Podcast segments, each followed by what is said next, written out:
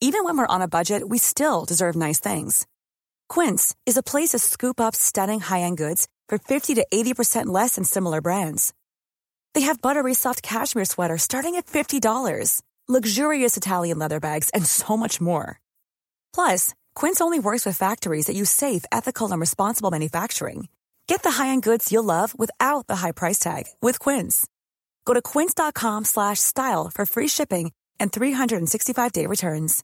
Imagine the softest sheets you've ever felt. Now imagine them getting even softer over time. That's what you'll feel with Bowl and Branch's organic cotton sheets. In a recent customer survey, 96% replied that Bowl and Branch sheets get softer with every wash. Start getting your best night's sleep in these sheets that get softer and softer for years to come. Try their sheets with a 30-night guarantee. Plus, get 15% off your first order at bowlandbranch.com. Code BUTTERY. Exclusions apply. See site for details.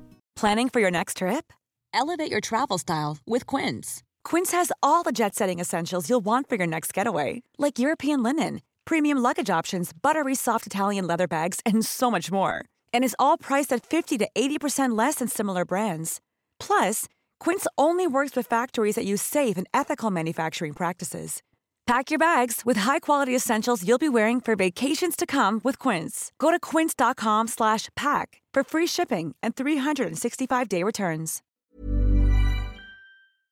Okej, hörni, välkomna till 30 plus trevar mitt i din semestersommar. Ja, eller så jobbar du, det vet vi inte, men eh, oavsett så är det ju sommar och vi hoppas att du har semester i huvudet om inte annat. I'm a mess. Don't know how I got here, but I'm blessed.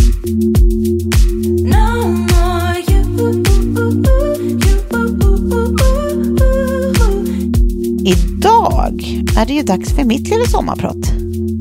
Ja, Vad äntligen. mysigt, mysigt det känns att man liksom tar ödet i sina egna händer när man känner att nej, men jag kommer ju aldrig få sommarprata i Sveriges Radio.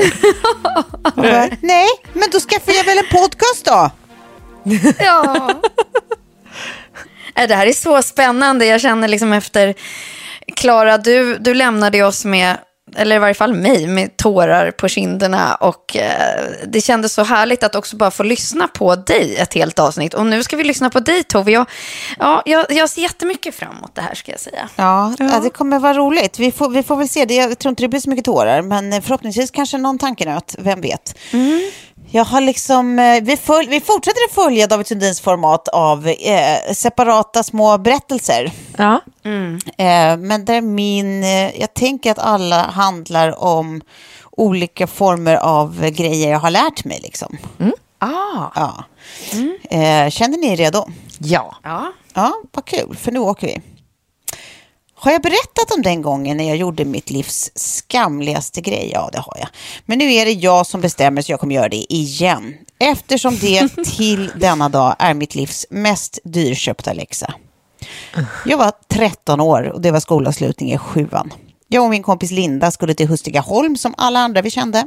Hon hade skårat California White, alltså vit dryck man av outgrundlig anledning kallar vin.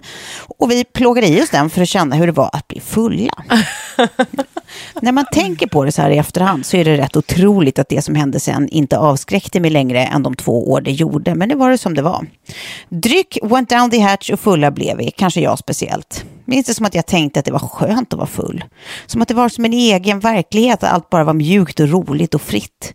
Jag hånglade med olika självgoda killar som jag tyckte var snygga. Johan som efter att vi kysste sa nu är du glad va? Precis innan han sin vana trogen spydde över hela sig själv. Nej. Björn, som när jag gjort klart att jag inte ville ha hans händer under mina kläder sa typiskt sjuor och gick därifrån. Och sen Ankan, som jag egentligen inte ens tyckte något särskilt om. Jag kände ju inte honom. Inte mer än som min kompis Annas pojkvän. Pikant va? Ah, just det. Av alla villiga tungor på Hustigaholm skulle jag tydligen brottas med just hans också. Kommer ihåg att jag tänkte medan vi låg där i någon buske att det här är Annas kille. Men det gör inget, man får det. Och så hånglade vi lite till. Kommer liksom ihåg promenaden hem med Linda under morgontimmarna sen och kan inte minnas att jag ens då tänkte på vilket jävla svek jag just hade begått utan att tänka två gånger. Tänkte nog mer på att klockan snart var halv fem på morgonen och vad fett det var att jag för första gången fick vara ute så länge. Dagen efter däremot är absolut kristallklar. Mådde som molande illa när jag vaknade och inte av bakfylla. Bara en kuslig känsla av att något var jävligt fel. Det var mitt första möte med känslan ångest. Jag skulle sitta barnvakt till grannbarn senare den dagen och han vaggade in mig själv i någon slags falsk strutslugn ett tag. Att det här har inte hänt om jag inte låtsas om det. Sen när jag åt middag så ringde det. Har du strulat med ankan? Har aldrig upplevt den där känslan av fritt fall i magen med den kraften som jag gjorde då. Som att fantomspy utan att något lämna magen. Anna hade fått veta på omvägar för att Ankans kompisar hade suttit och flinat om gårdagskvällen om alla småbrudar som så villigt lät sig hånglas upp. Stackars, stackars Anna. Inte för att han valde att hångla med andra, jag var ju inte exklusiv den kvällen, utan för att hennes kompis gjorde samma val. Fy fan, fy fan för mig.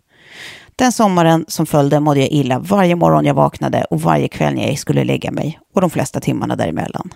Alla smaker och låtar som jag förknippade med den sommaren kunde jag inte vara i närheten av på flera år efteråt. Jag stod inte ut med att bli påmind om vem jag också var. Jag hade inget att skylla på, inget att gömma mig bakom. Jag visste vem han var och jag gjorde det ändå. Tro nu inte att jag är ute efter sympatier här, det ska jag inga ha. Om någon ska ha dem så är det ju Anna som obs, sannolikt har gått vidare för cirka 30 år sedan, bryr sig nog inte det minsta idag. Men vad jag är ute efter är att poängtera tre saker. Ett. Vänskapsband och systerlig lojalitet är fan allt. Låt det vara det absolut sista du ruckar på, för din egen skull.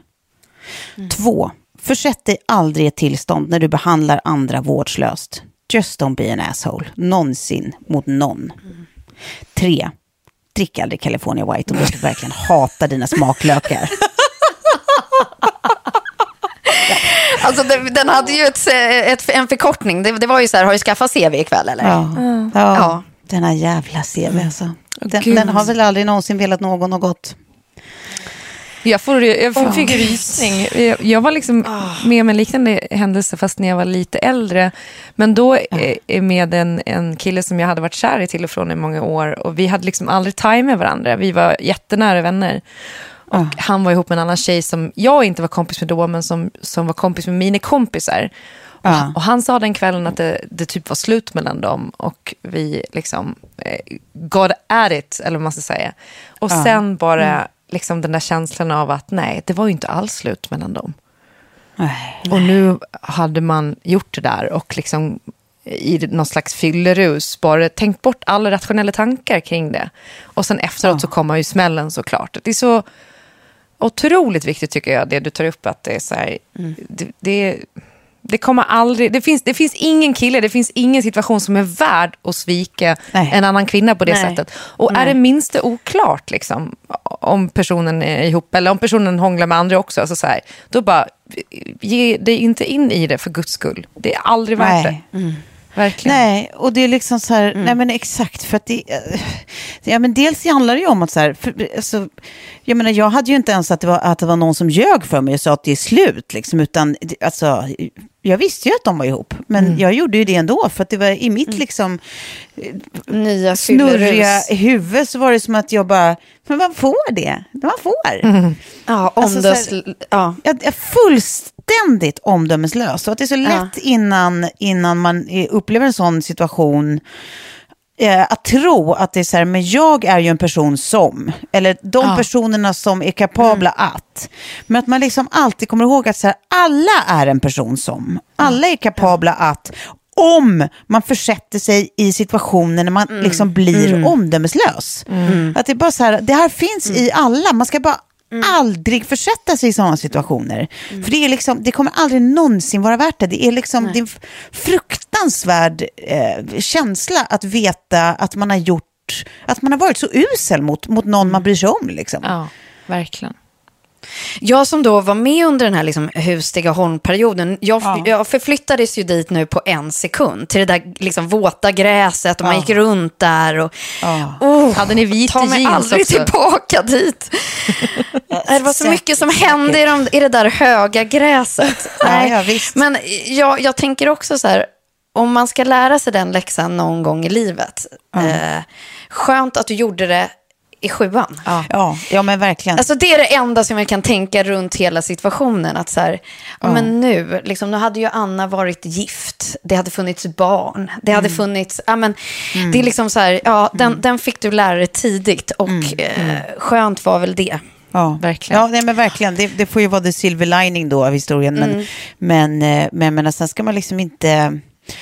Jag vill, alltså jag vill aldrig försöka så här, ta bort från, från liksom allvaret oavsett ålder i att faktiskt så här, svika en vän. Det är, det är uselt Ja. och känns lika mycket vilken ålder man än är i. Liksom. Så att det är ju också verkligen bara så här, att ta med sig att så här, sån här skit eh, kan hända. Ja. Eh, och, och gör allt du kan för att se till att det inte händer. För det finns inget finare än liksom, systerlighet och vänskap tycker jag. Eh, den kan man aldrig vara vårdslös Nej. med. Liksom. Men där tycker jag du har en jättebra poäng. För det är lätt att säga så här, ja men herregud, ni var 13, du var Hitta typ ett ursäkter. barn som var full. Eh, liksom, om- och, och det finns en anledning till att man inte ska dricka innan man är 18-stämningen. Men, men samtidigt, så här, de känslorna man går runt och bär när man är 13 år gammal är ju, där och då känns, Ja. känner man sig som en vuxen såklart. Och, Ja, men de är lika verkliga Och de är den. absolut nästan mer verkliga. För att man, då, Mm. då är man bara som en, en liksom, liten person byggd till 100% av känslor.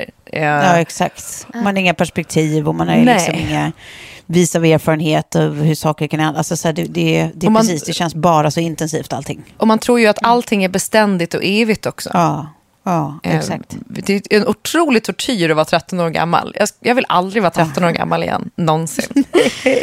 Nej, alltså om ni skulle så på, på min möhippa ta mig ut till Hustigaholm och jag skulle behöva återuppleva en så här, gå i California White. sjuan, fylla och California White, alltså det vet jag. Förlåt, jag, Oh. jag ska bara skriva upp en grej här. Så, vänta, så, ja.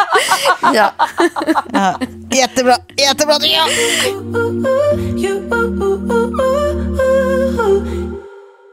Ja, men vi går vidare. Är ni redo för eh, eh, lilla nuggeten nummer två? Jajamän. Okej. Har jag berättat om den gången jag kastade mig ut och tog risker som 20-åring så fort någon var villig att ge mig chansen? Nej, det har jag inte. Eftersom det aldrig hände att jag gjorde någonting jag riskerade att vara dålig på. En stor del av mitt vuxna liv har jag spenderat som en fegis, en bekvämis och en medelmåttig som konsekvens. Jag pluggade statsvetenskap men ville inte in på UD när allt kom omkring så jag tog ett receptionistjobb och pluggade journalistik på kvällstid.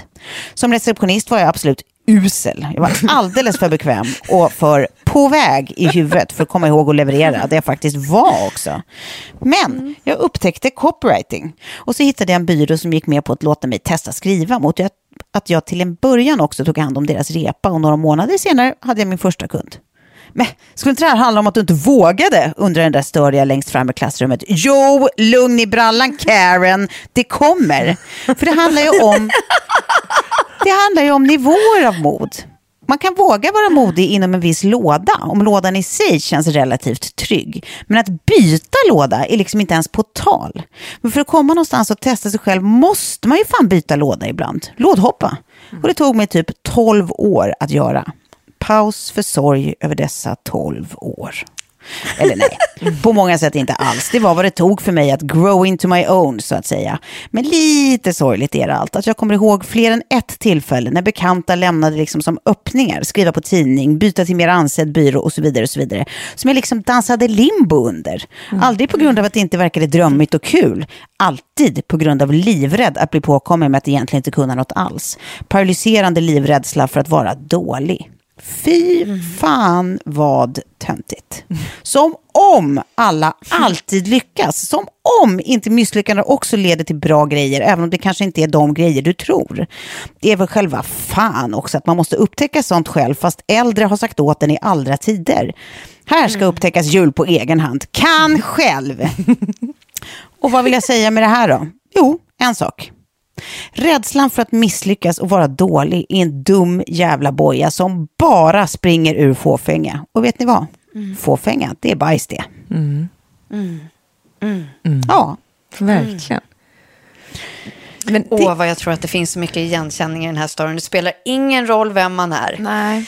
Eh, och bara så här att lyssna på hur du har skrivit ditt manus här med alla dina uttryck som att liksom strutslugn och kräk, eh, fantom, fantomkräka. Alltså det är så mycket jag plockar upp. att så här, eh, du är ju, alltså om du hade tagit det där liksom första tidningsgigget eller så, så hade det ju varit liksom och det kan det fortfarande bli. Men mm. En av våra största skribenter. Ja. ja. men du vet, jag, hade ju, jag, hade, jag kommer ihåg där, precis eh, eh när jag var liksom nykläckt från, från universitetet. Och du mm. var ihop med Per och Per mm. ändå så här, du vet, lämnade som en liten öppning som så här, jag fattade mm. att om jag skulle ligga på nu som fan och liksom bara så här, på chansning skicka honom en jävla massa texter och så här, långa mm, idédokument och bla bla bla. Så, så finns det en möjlighet att han skulle ta in mig mig. Mm. Eh, det finns en chans liksom.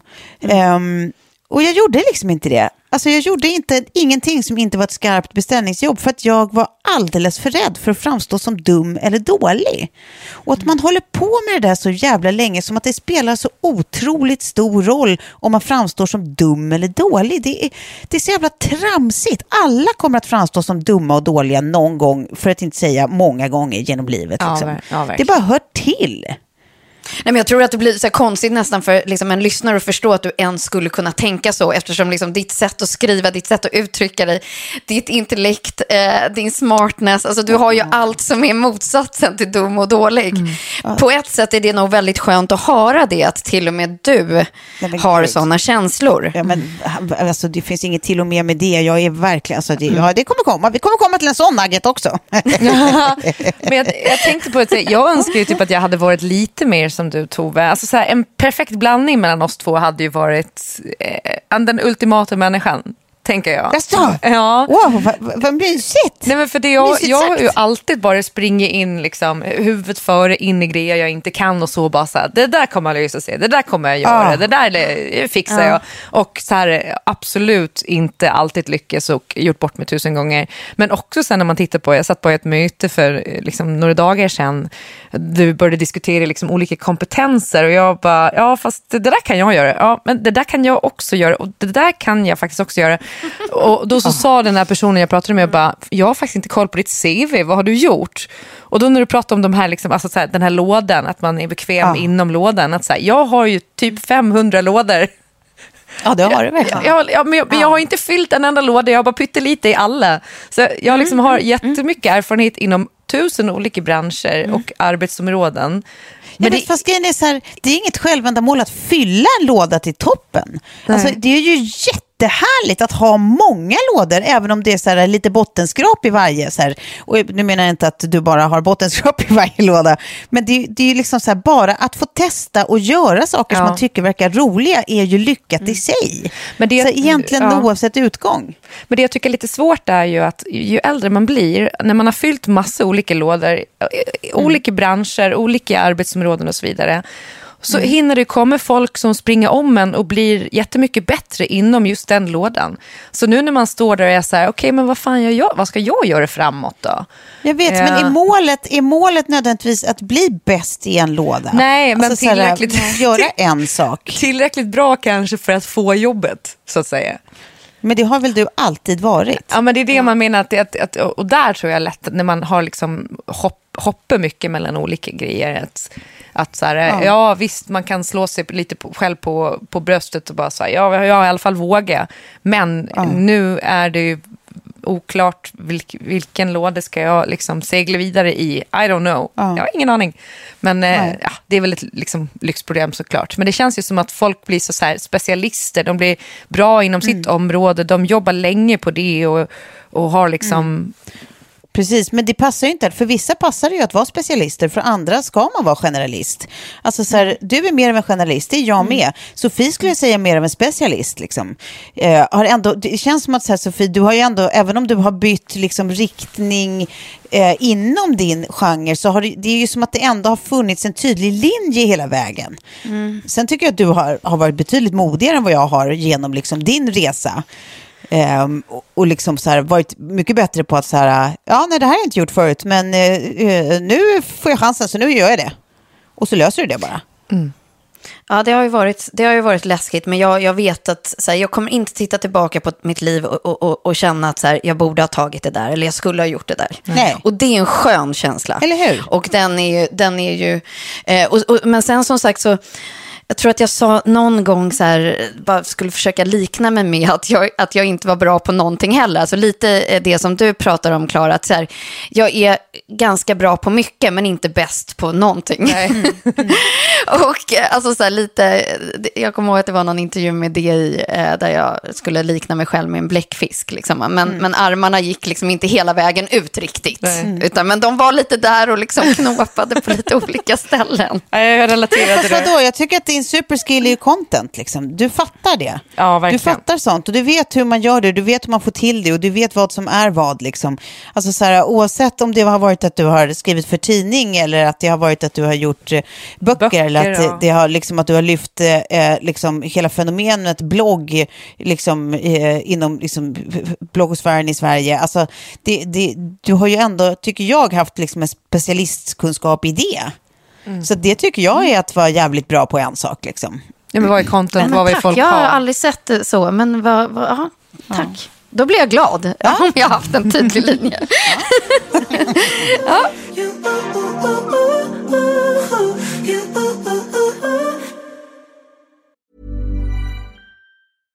Flexibility is great. That's why there's yoga. Flexibility for your insurance coverage is great too. That's why there's United Healthcare Insurance Plans. Underwritten by Golden Rule Insurance Company, United Healthcare Insurance Plans offer flexible, budget friendly coverage for medical, vision, dental, and more. One of these plans may be right for you if you're, say, between jobs, coming off your parents' plan, turning a side hustle into a full hustle, or even missed open enrollment. Want more flexibility? Find out more about United Healthcare Insurance Plans at uh1.com. Imagine the softest sheets you've ever felt. Now imagine them getting even softer over time. That's what you'll feel with Bowl and Branch's organic cotton sheets. In a recent customer survey, 96% replied that Bowl and Branch sheets get softer with every wash. Start getting your best night's sleep in these sheets that get softer and softer for years to come. Try their sheets with a 30-night guarantee. Plus, get 15% off your first order at bowlandbranch.com. Code BUTTERY. Exclusions apply. See site for details. Planning for your next trip? Elevate your travel style with Quince. Quince has all the jet setting essentials you'll want for your next getaway, like European linen, premium luggage options, buttery soft Italian leather bags, and so much more. And is all priced at 50 to 80% less than similar brands. Plus, Quince only works with factories that use safe and ethical manufacturing practices. Pack your bags with high-quality essentials you'll be wearing for vacations to come with Quince. Go to quince.com slash pack for free shipping and 365-day returns. Har jag berättat om när jag härmade Carl Bildt i Sveriges riksdag? Ja, Karen, jag ser dig. Jag vet att jag kan ha sagt det här också, men om det inte passar så kan du gå ut så länge. Okej, så vad var jag? Jo, jag skulle skryta lite. Jag var ju med i första Ungdomens riksdag som är ett projekt mellan Sveriges skolor och riksdagen i syfte att, jag citerar, stärka ungas förståelse för demokratin, öka viljan att engagera sig och öka förtroendet för riksdagen. Eller som man säger på tonåringska, ett kanonsätt att slippa ordinarie undervisning. Okej, så stryk det där med skryt. Jag var då talesperson för första utbildningsutskottet och skulle som sådan hålla ett anförande under själva riksdagsevenemanget. Det var väldigt högtidligt allting och ordinarie talman var på plats för att utöva sin roll även för oss finniga 18-åringar. Jag ställde mig vid pulpeten och höll mitt anförande och kände liksom att allt var så himla, himla allvarligt. Och varför egentligen? För vi höll ju mest på med charader. Och vad vi än beslutade den dagen skulle den påverka vår framtid lika mycket som Trump på avbrunnar och K-brunnar gör. Jag ville så gärna få lämna med ett skratt istället. Så efter ordinarie avslut på mitt tal lägger jag till på uruselt Carl Bildt-manér. Och det tror vi är bra för Sverige. Enter supersjälvgott jätteflin. Och världens tjockaste tystnad. Nej. Tack, talesperson Nordström. Nästa talare i ordningen kommer från statyn bredvid mig som lystrar till namnet Birgitta Dahl och i själva verket inte alls är staty, bara väldigt knastertorr. Jag lommar tillbaka till min plats där den enda i rummet som flinar och som inte är jag sitter. Min bästis Hanna. Ni, då var det fortfarande så jävla värt det. Så lärdomen här är denna. Oftare än inte kan även högtidliga och formella situationer må bra av lite trams och skoj. Livet behöver inte alltid vara så oerhört allvarligt, ens när det är det. Mm. Var fånig när andan faller på, även om det bara är du och din bästis Hanna som mm. skrattar. Mm. Det var så fint. Och bjud på ett skratt ja. för fan! ja. Men du, var Bildt i rummet? Nej, han var faktiskt inte i rummet. Det var, det, det, det, då hade ju varit nästa nivå om jag hade roastat honom to his face. Men han hade då förmodligen skrattat, tror du inte det? Jo. Jag hoppas det. Man vill tro det om Bildt. Man vill ändå tro ja. det om honom. Ja. ja. För det var ju på sätt och vis också en hyllning. Också så fint att Hanna flina. Ja, ja. Hanna var ändå road. Jag kände att min, min ja. hon hade min rygg. Ja. Men det, det som jag tänker är så här, och det kanske är en sån grej där liksom för många av oss så kommer inte det självförtroendet liksom av sig självt utan det kommer med åldern. Men att man verkligen ska tänka efter i så många situationer, både privat och yrkesmässigt. Så här, vad, alltså, vad är det för självändamål eller vad tjänar den här situationen på att vi behandlar den som vore det det viktigaste i världen? Mm. För liksom jag, jag, tycker att det är så otroligt ofta som alltså, alla samtal och möten och presentationer och liksom ah. diskussioner mår bra av att man också kan liksom ha lite distans till dem och att man ah. tillåter sig att skoja där det passar. Alltså, jag menar inte att man ska prata om typ så här krigsbarn och sen skämta om dem. Alltså. Men ni förstår, där liksom, det, det, det, finns utrymme för så himla mycket mer än man tror. Ah. Eh, och ofta så blir det ju situationer bättre och härligare och mer minnesvärda om man, om man tillåter sig det. Liksom. Ja, ja. verkligen. Nej, men alltså, jag, jag, kan bara tänka på just det där liksom, när man går in i så många olika möten och det, det är så seriöst. Mm. Och eh, då, är det här kanske jag sparar till mitt sommarprat. Ja. Kom jag på. Ja, men spara det. Blir du lite... Filip berättade om att han hoppade ner i en, en, en vak i Kamchatka och badade medan han åkte skidor så snoppen blev jätteliten. Det var lite av en sån story som han drog på första mötet när vi sågs. Och då hade jag liksom bara träffat en massa så här venture capitals som pratade liksom Excel-ark. Så jag bara, mm, det säger du ja. Ja, den blev jätteliten, din snopp. Perfekt. I love you. Också att det, precis, det är tydligen perfekta elevator pitchen in i ditt hjärta, liksom att prata ja, om sin pyttelilla snopp. Du bara, mm, how you doing? Ja, oh, gud vad roligt. Ja, jag kanske utvecklar det här i nästa. ja, det tycker jag. Ja, Okej, okay, vi kliver vidare då. Ja. Har jag berättat om när det gick riktigt åt helvete under ett konferenciersuppdrag på Sturecompagniet inför alla jämnåriga tuffisar i stan? Inte? Kul att du är med nu då, för här kommer det. Mm. Sista året på gymnasiet skulle mm. mina kompisar som hade ett UF-företag, alltså Ung Företagsamhet, Sechic, anordna en modevisning med de kläder som de köpte in i Frankrike hos grossister och sålde här. De hade gjort en liten lokal modevisning tidigare på Elverket på Lidingö som jag och min kompis Kalle var konferencierer för. Det var ju bara massa skolkompisar så vi gjorde massa trams och skrattade och hade kul och allt var kanon. Så som grand finale för terminen och UF-företaget så skulle de göra om succén men göra det stort. Det skulle bli på Sturekompaniet i Stockholm och det skulle bli stor fest efteråt. Cirka hela Stockholms 18-åringar och uppåt var inbjudna. Den här gången skulle jag göra mitt konferenciersuppdrag tillsammans med Niklas. Han var äldre, han var trubadur och han var van vid publik. Och han skulle också gå visningen sen. Problemet var att Niklas... Problemet var att Niklas inte var lika tänd på att planera och skriva manus som jag var. Vi fick liksom aldrig till det, så precis som i en sån där panikdröm, när tiden bara går fast man inte är där man ska eller gjort det man borde, så var det plötsligt dags. Stures var helt packat av folk, inklusive mitt nyblivna ex som jag fortfarande var kär i. Och vi skulle upp på scen och hälsa alla välkomna. Det enda vi hade som en lös plan var att vi kunde göra som en pastisch på den där roliga reklamen med Lotte-Åke som gick då. Har du skrivit manus än? Men du hade ju hela helgen på dig!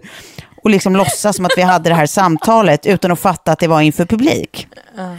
När vi gick ut på scenen gör dock Niklas en sån klassisk trubadurgrej istället. Mår du bra?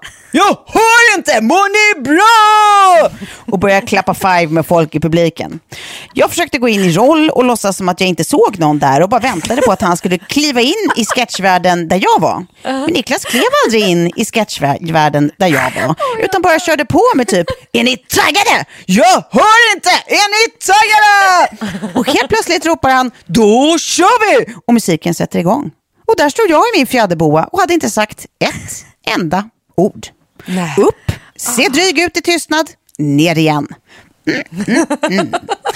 Skämdes så oerhört mycket och när allt var över och jag satt i baren med min syster som snällt försökte peppa mig och säga att det inte var så farligt så kommer en envis jävla snubbe och försöker få uppmärksamhet. När jag inte ger honom den fräser han Vadå, du har precis gjort bort dig på scen för hela jävla Stockholm. Kanske inte läge att vara så otrevlig. Ja. Det var vad man brukar säga en kanonkväll. Så vad kan man tänka på kring det här då? Ja, ett. Ibland går saker riktigt åt helvete. Och det är pinsamt och det är skämmigt och man får ångest. Men det betyder sällan skitmycket i det långa loppet. Jag har fått massa roliga jobb, har haft massa härliga förhållanden och till och med gjort en människoperson med en annan ändå. Och aldrig har den här usla kvällen på scen hållits emot mig. Ingenting är någonsin så stort och minnesvärt för andra som de är för dig. Kom ihåg det. Nummer två. Men det här med att winga saker i stunden, när stunden vi pratar om är stor och publik, det är en jävligt dålig idé.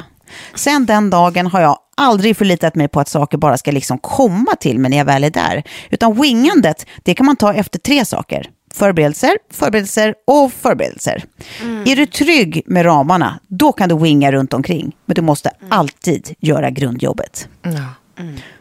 Ja, det är lärdomarna. Men verkligen, alltså det där tycker jag också, så här, eh, som du pratar om, Så så här, återkommande liksom, mardrömssituation som man drömmer i drömmarna. Att man liksom Exakt. eh, kommer till grejer och Står där. är helt oförberedd och det, allting bara platt, bara falla platt. Alltså sån jävla ångest.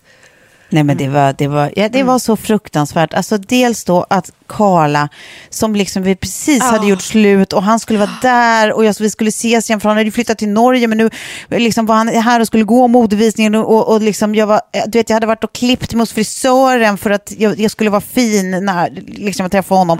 Och så skulle jag vara lite så här, eh, stå i fokus där och, och i början av kvällen och allt var så uttänkt på hur, hur succé det skulle bli. Och så är det liksom exakt tvärtom. Alltså det var sån, ja, precis som man drömmer om, katastrof. Jag hade lika gärna kunnat stå där naken för det var exakt så det kändes liksom. Ja. Där och då. Men den där jävla Niklas också, vilket stolpskott, förlåt. men också extra lärdom, lita aldrig på trubadurer. Nej. Nej, jag signar, signar på den. Ja, nej, det, nej, det blev fel. Nej, det blev fel. Eh, ja, så att eh, det här med att sätta på mig den här boan och upp på scen och, och winga. Också det, boa! Det, ja, att man överhuvudtaget tänkte någonsin att det är en lämplig idé. Men alltså hur tänkte han som bara gick ifrån det? Vilket jävla sätt. Nej, men jag tror att det var en klassisk se på mig, se på mig, se på ja. mig. Ja. Ja, men Se lite på så. mig. Lite så var det nog. Kolla mig, kolla mig. Jag har ju varit en mycket mer av en wingare än du. Ja. Jag är ju en klassisk som säger, men jag wingar det där. Det där är liksom, jag tar den där presentationen, den där dragningen, det där. Och sen så till eh, liksom, hålla tal då som vi, vi, ly- lyssnarna vid det här laget nog känner till att så här, det tycker jag är jätte, jättejobbigt. Men där har du varit så här jämt och bara, men skriv ett manus. Och nu känner jag redan nu att så här, jag ska ju ha nästa sommarprat. Och det hade jag tänkt att prata helt fritt runt. Alltså så här fem saker. Men nu efter jag har lyssnat på dig, jag kommer sätta mig idag och skriva ett manus. Med Ska en inte- boa. Ja, med en fjäderboa och någon stur, gammal Sture-dänga på hög volym. Nej, grejen är Tack för det Tove. Jag ska inte winga nästa avsnitt. Ja, det kommer vara manusskrivet. Ja, du kanske är bättre än vad jag är, men jag tycker fortfarande att även wingande blir som allra bäst om man känner sig trygg i grunden. Ja, Ja, man ja, vet verkligen. aldrig när man Ja. står där vad man kan Ja. drabbas av för typ av känslor eller panik. Liksom. ja Alltså, exakt Men sen så. också så här, det är inte värt att utsätta sig för den psykiska pressen egentligen. Att, att, att för att stå och behöva winga någonting och inte ha någon, någon, något ordentligt förberett. Det är ju en fruktansvärd situation som tär jättemycket på, på, kropp, mm. på kroppen och psyket ju. Och sen kanske ja, man så här, tar sig igenom det hyggligt ändå. Men alltså, precis. Alltså, ja, eller så är det bara platt fall. Ja, det precis. har också hänt. Men, men, men även om det skulle liksom uh, gå igenom så att säga så, så är det inte värt den insatsen liksom, psykiskt nej. tycker jag. Nej, nej. nej. Nej, nej, jag håller med. Jag håller med. Ja, det är verkligen mitt absolut innerliga tips till alla som lyssnar och ibland behöver göra publika dragningar på något sätt. Mm. Förbered er ordentligt och mm. sen kan ni winga i stunden, men, men mm. liksom mm. ha stenkoll på vart du vill och vart du ska. Mm. And how to get there. Då går vi vidare till nästa nugget då. Mm. Har jag berättat om när jag gjorde något jag inte vågade och det blev starten på ett helt nytt liv? Inte? Nej, men då tar vi det nu då. Jag har alltid varit en trygghetspundare.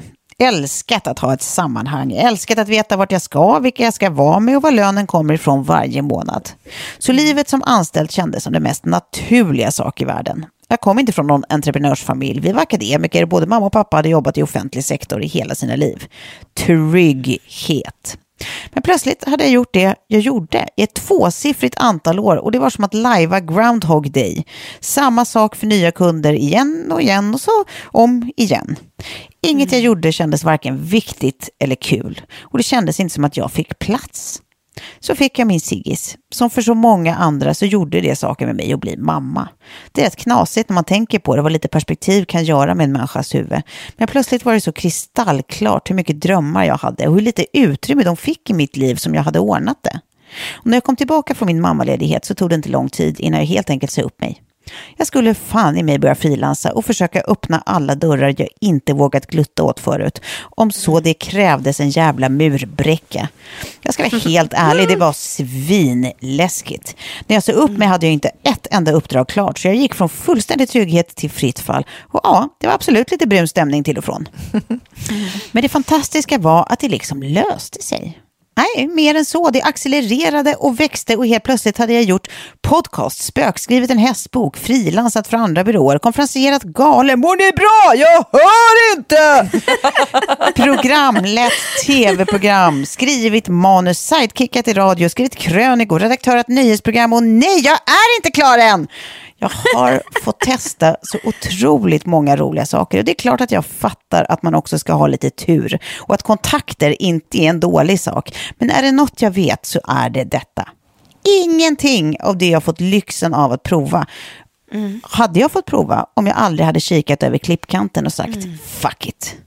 Det mm. tog tolv år som sagt innan jag fattade hur stor världen kunde vara. Men jag är så sinnessjukt glad att jag ens fattade det någonsin. Mm. Och kanske framför allt att jag vågade. Ja, så här har jag en ny sensmoral. Det är så himla mycket vi kan vara nyfikna på, men inte vågar. Gör det ändå, fast du inte vågar. Mm. Helvete, vi har ju bara ett liv. Och vad vinner vi på att inte försöka om vi ändå har saker vi drömmer om? Min resa är förstås inte din och mina mål är inte dina, så hur resan i sig ska se ut det är helt upp till dig. Men allt springer ur det där med att sluta vänta på att få lov, sluta punda trygghet in i absurdum och sluta formulera alla varför inten. Tänk vad mycket härligt som kanske väntar om du bara vågar kika över klippkanten ibland och säga fuck it. Mm. Mm. Mm. Ja. Halleluja, säger jag bara. Halleluja, ja då. Ja. Nej, men det är ju sådär, eh, vi, vi är tillbaka på det här, liksom. vi har ju pratat om det många gånger, just vi tre, att vi har, eh, liksom, här är ju vi ganska olika och vi har liksom varit eh, på sådana här olika ställen vid livet vid olika tillfällen. Liksom. Mm. Men för mig var det verkligen, det tog så lång tid innan jag vågade. Ja. Eller innan jag såg det, alltså att jag var mer motiverad. Det som vi alla andra såg. Ja, så kan man väl säga. Ja, kanske. Det var ju gulligt i så fall. Men det var liksom att bara att, att det mm. väger tyngre att få möjligheten att testa mm. än att känna tryggheten av att fortsätta med det man redan känner till. Liksom. Mm. Uh, och det är så jävla förlösande känsla. Sen finns det ju såklart tusen så praktiska omständigheter som kan göra det möjligt eller inte för folk att liksom våga hoppa. Mm. Alltså så här, mm. Nu, nu, nu var vi två då och det ekonomiskt var enklare för mig Ja. att våga ta lite chansningar än om jag hade varit vet, ensamstående förälder. Då är det inte så jävla enkelt att ta chanser. Liksom. Nej. Men det behöver inte heller vara, som sagt, precis det här. Att man så här, säger upp sig för något utan att ha något annat att gå till. Det kanske är liksom att hoppa på en utbildning man har varit nyfiken på ett tag. Det kanske är liksom att bara byta tjänst inom det jobbet man har. Eller det kanske är att så här, gå en kurs man tycker verkar spännande. Alltså så här, bara så här, saker man är nyfiken på och har drömt lite om, men som bara ligger där och skvalpar i huvudet. För man av olika anledningar inte vågar. Bara gör det ändå. Det är ju liksom det som är grejen. Det som jag tycker är så intressant nu när man kan titta lite i backspegeln, vilket man får göra när man är 41. Ja. Och det är ju när man har tagit de här sidospåren från stigen. Ja. Från den liksom självklara stigen. Ja. Att det, liksom, det är så många eh, så här, dominoeffekt på åt ett positivt håll som händer då. Ja. För då helt plötsligt så här, hit, träffar en ny människa, leder till ett nytt samtal. Ja. Okej, den där grejen ledde till det. Alltså, Mm. Den här utbankade och självklara och asfalterade vägen. Där vet du nog ungefär, liksom, då kommer du möta samma kollegor, din vänskap, ditt, där, det där, Mm. allting kommer se ungefär likadant ut. Men det är när du tar de där sidospåren, som helt plötsligt saker och ting som du faktiskt inte hade någon aning om skulle kunna hända, händer. Ja, visst. Och det kan Det som hända du inte på... kan förutspå och det som Precis. du inte liksom, i din vildaste fantasi faktiskt hade kunnat kanske drömma om eller Nej. hoppas på eller förväntas. Nej men exakt, och det är ju det att världen hela tiden blir större och större. Att det varje Mm. nytt rum leder till ytterligare ett nytt rum. Att det, Helt plötsligt har du vänner du inte hade för ett halvår sedan. Helt Precis. plötsligt har du sammanhang du inte hade för liksom två månader sedan. Helt plötsligt har du Mm. liksom möjligheter eller äventyr du inte hade för någon alltså så här, Det mesta leder till någonting annat liksom. Eh, som kan vara jättehärligt. Så det, det är väl bara det att, återigen, göra grejer man inte vågar, bara göra det ändå. Utan att utvärdera och utan, utan bara att liksom tvinga sig själv att bara, nu trycker jag på knappen här, nu, nu trycker jag på den! Och så gör man det. Ja. Ja. Ja. Så får det bli vad det blir. Ja. Det, det kan ju finnas stunder och, och dagar då det känns så skitläskigt och jättedåligt Mm. och man kan ångra sig in absurdum liksom. Men, Mm. men på det stora hela så är det ju ändå, tycker jag i alla fall, har alltid Mm. varit eh, en vinst i slutändan. När man räknar ihop Mm. allt liksom. Jag håller med.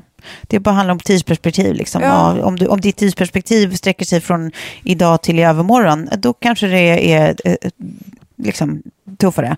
Men om tidsperspektivet sträcker sig från idag till om två år, då kanske det är jättetydligt vilka alla de här fantastiska frukterna blev av liksom, att du vågade.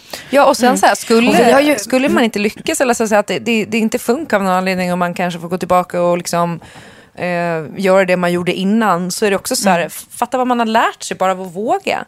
Vad man, Ja, vad man har utvecklats bara av att göra det och att man kan komma tillbaka då till kanske den tjänsten man hade innan eller det jobbet man hade innan med liksom nya lärdomar, nya insikter, nya kontaktnät. Eh, Kanske till och med nya idéer. Ja, Alltså, så ingenting är ju, ingenting är ju liksom förgäves. Det föds så mycket nytt. Exakt. Så länge man Det inte blir fångvaktare i Auschwitz i och för sig. Men förlåt. Att det, då, då, då, då, är det, då är det kolsvart. Då är det kolsvart.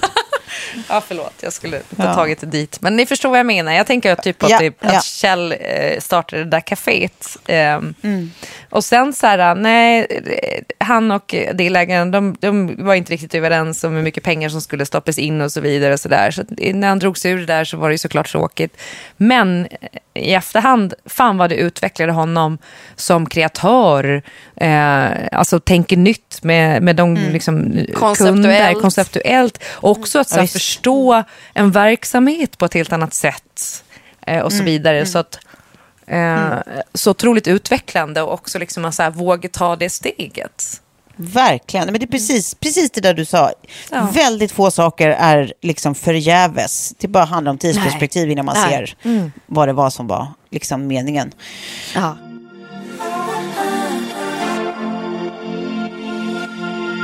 Har jag berättat om den gången när jag fick mitt hjärta krossat i tusen bitar och trodde att jag aldrig skulle kunna andas normalt igen?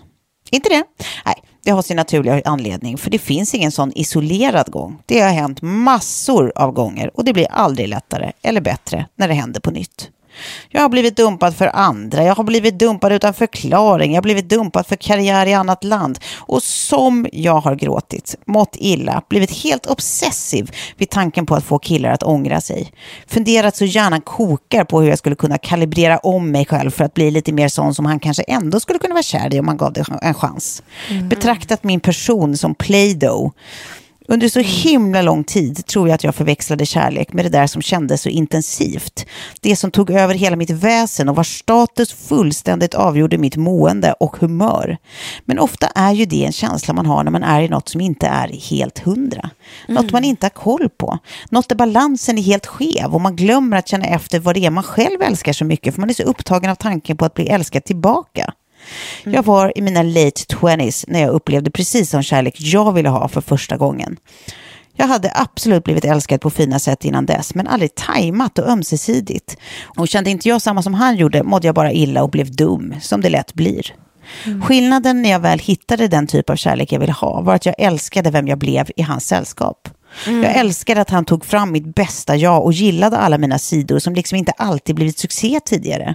Jag har aldrig varit särskilt kvinnlig och sensuell och husfru, jag fattar inte hur man gör. Men plötsligt var mitt lite burdusa och, och skämtiga och icke-stereotypa något jag fick vara stolt över. Och jag hade mm. mer som en behaglig vilopuls, en hysterisk helspänd känsla i kroppen. Det är en underbar känsla. Så även om jag som alla andra har varit through the ringer gång och gång igen så är slutsatserna dessa.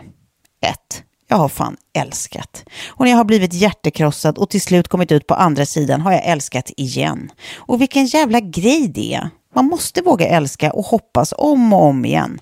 Alternativet är för kolsvart. Mm. Mm. Två, jag har fan upplevt hur det är att ha en kärleksfylld, välbalanserad relation. Jag vet hur det ska och kan kännas när kärlek är sund och fin och du får känna harmoni över vem du är och vad du har. Och den skiten mm. går inte att få ogjord. Så även om jag beklagar mig i tid och otid över hur tråkigt det är att vara singel nu, hur svårt det är att träffa någon, så har jag liksom fattat att allt som inte är det där fina ömsesidiga är en kompromiss som inte är ah. för mig. Mm. Och för ah. det är jag faktiskt tacksam. Ah. Ja. Ah. Det ska du verkligen Det var hela kärleksbiten. Ja. Oh, men tänk vad många oh, också som sitter ute nu och lyssnar mm. på det här. Alltså, som jag känner igen mig det mm. också. Där man liksom, precis som du säger, att så här, man mm. försöker att applicera kärlek på någonting som egentligen inte var rätt. Bara för att man kanske är lite kärlekstörstande. Att mm, mm. så många som är i relationer som inte är ömsesidig kärlek och respekt. Där man mm. måste göra sig till, där man inte kan slappna av och så vidare. Och, mm. och eh, vad det... Vad jag tror att det är så jävla vanligt. Ja, det finns liksom mm. ingen starkare eh, motivator eller man, man, manipulationsfaktor, om man ska säga, än känslan av att, att bli bortvald. Så fort man inte känner sig aktivt bli vald, då är det så att man släpper alla liksom, tankar på vad man själv egentligen vill ha ja. och är sugen på och ja. känner och är bara 100% fokuserad på att övertyga någon annan om att visst tycka om en! Mm. Alltså. Det är liksom så galet att vi, att vi funtade så. Liksom. Ja. Men, det är också... men det är liksom den här eh, rädslan över att bli lämnad och då blir man liksom också sårbar i det. Mm. Ja, men... Så att det liksom, ja, men att man håller kvar, att det finns något så psykologiskt i det där också, att vi liksom, men man vill inte bli dumpad. Så då, håller, då, liksom, då, då, då, då, då över, ja, mm. ja kompenserar man, liksom... man eller vri, slår knut på sig själv. Men sen också, varför är det så mycket värre att vara ensam än att vara i en relation som inte är för en. Det är ju inte det. det är, det är ju inte det. det. är det som man, man måste ju bara upp, eh, alltså uppmärksamma det och också så här, känna det lugnet i det. Att så här, bara, nej men gud, det är tusen gånger bättre. Mm. Mm. Alltså jag tar det än i dig. Mm. Jag tänkte på... Men, men jag, jag, gissar att det där är tyvärr också en sån insikt som bara kommer med åldern. Att så här, du måste ha varit med om x antal grejer oh, för att kunna tro på det. det. där. Alltså, även om man tror oh, på det, det, rent liksom, på ett intellektuellt plan liksom, även tidigare så tror jag inte att man fattar det förrän man har varit med om, om ja. x antal grejer. Att så här, man måste få växa in i den insikten, tyvärr. Men jag, jag mm, tror mm. faktiskt det. Men det tänkte på, Det är för jag, sorgligt. jag dejtade en kille innan jag träffade Kjell, eh, liksom lite så on and off, eh, eller två olika faktiskt. Men Mm. båda två, båda två eh, under det året som jag var singel mellan David och Kjell så var det liksom, särskilt med den andra då, där man bara kände Mm. att så här, fan vad jag försöker vara någon jag inte är. Att man försökte Ah. vara så här, liksom lite så här hippie-härlig och så här, ja, jag vet, att det var bara, fan det Ja, där är, det är det, som att nu är jag ju inte jag liksom.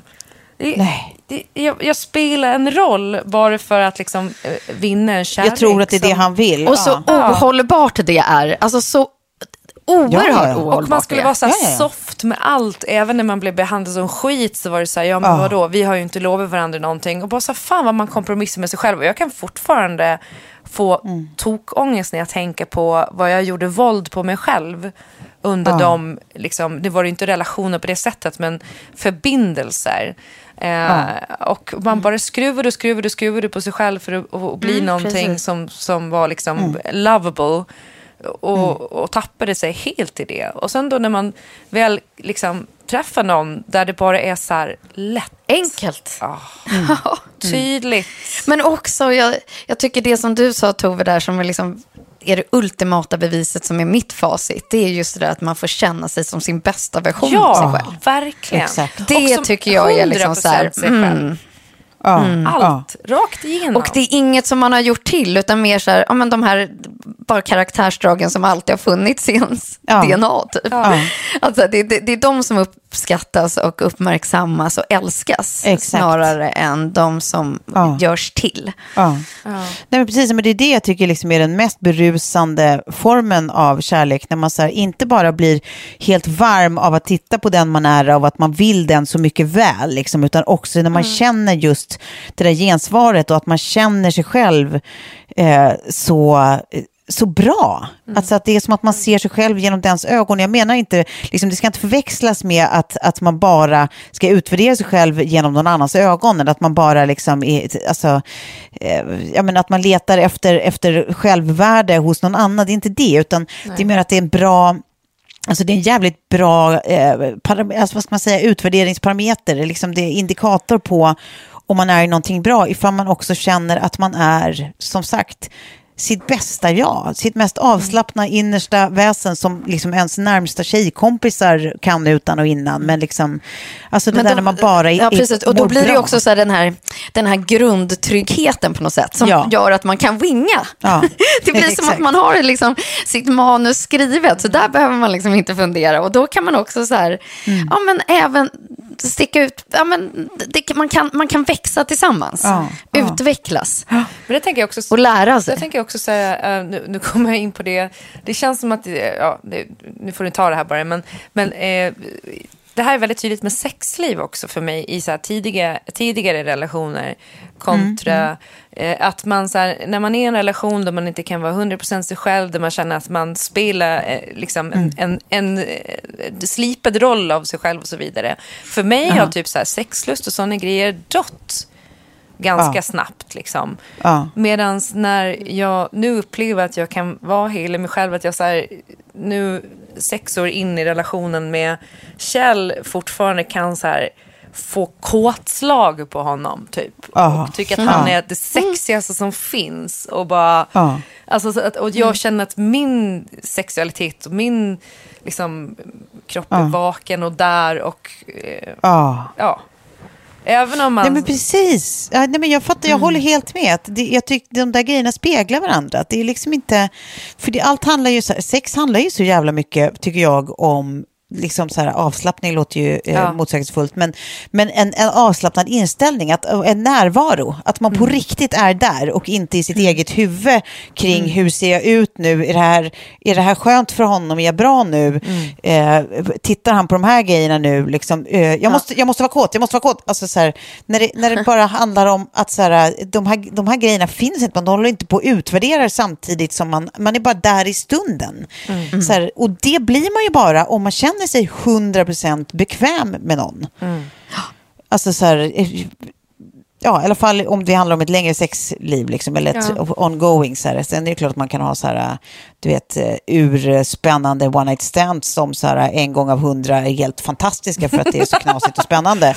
Men det är ju, det är ju mer undantag än regel. Liksom. Ja. Eh, men just att bygga upp det där med någon man ämnar att fortsätta vara med, liksom, så, så speglar det ju verkligen hur relationen är balanserad i övrigt, tycker jag. Hur härligt och bra och fint och avslappnat och fulfilling liksom, sexlivet eh, blir. Ja, alltså det har ju med hur relationen är att göra. Liksom. Mm. Mm. Verkligen. Ja. Tryggheten. Tack Precis. Tove. Ja men hörni, där, där sätter jag punkt ah. för mitt lilla summer snack. Det är nästan som att man känner att ah. det är så ah. överflödigt att säga grejer för du har sagt allting så bra och så fint ja. som man bara vill. ja, Nej, men... man vill bara säga tack efter vissa och halleluja efter vissa. Och, mm, ja, det är bra. Det är bra efter vissa. Ja, gud vad fint nu Tove. ser vi så fram emot... Ja, ingen press alls. no pressure, no pressure. Där passar mig ju utmärkt att komma sist. Ja. Eh, och eftersom jag älskar att vara underdog så har vi två här nu som har levererat till max. Så att, nej, men det känns jätteskönt. Jag vet, jag vet hur du verkligen. kan förbereda dig. Du kan förbereda dig med att dricka mm. eh, riktigt pissigt ljummen California White ur en petflaska.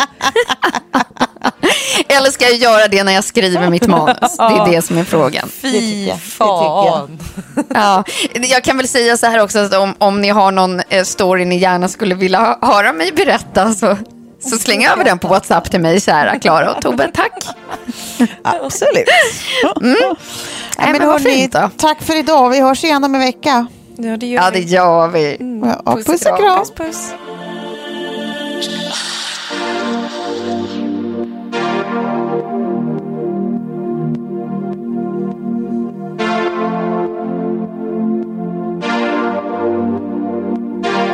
En podd från Allermedia.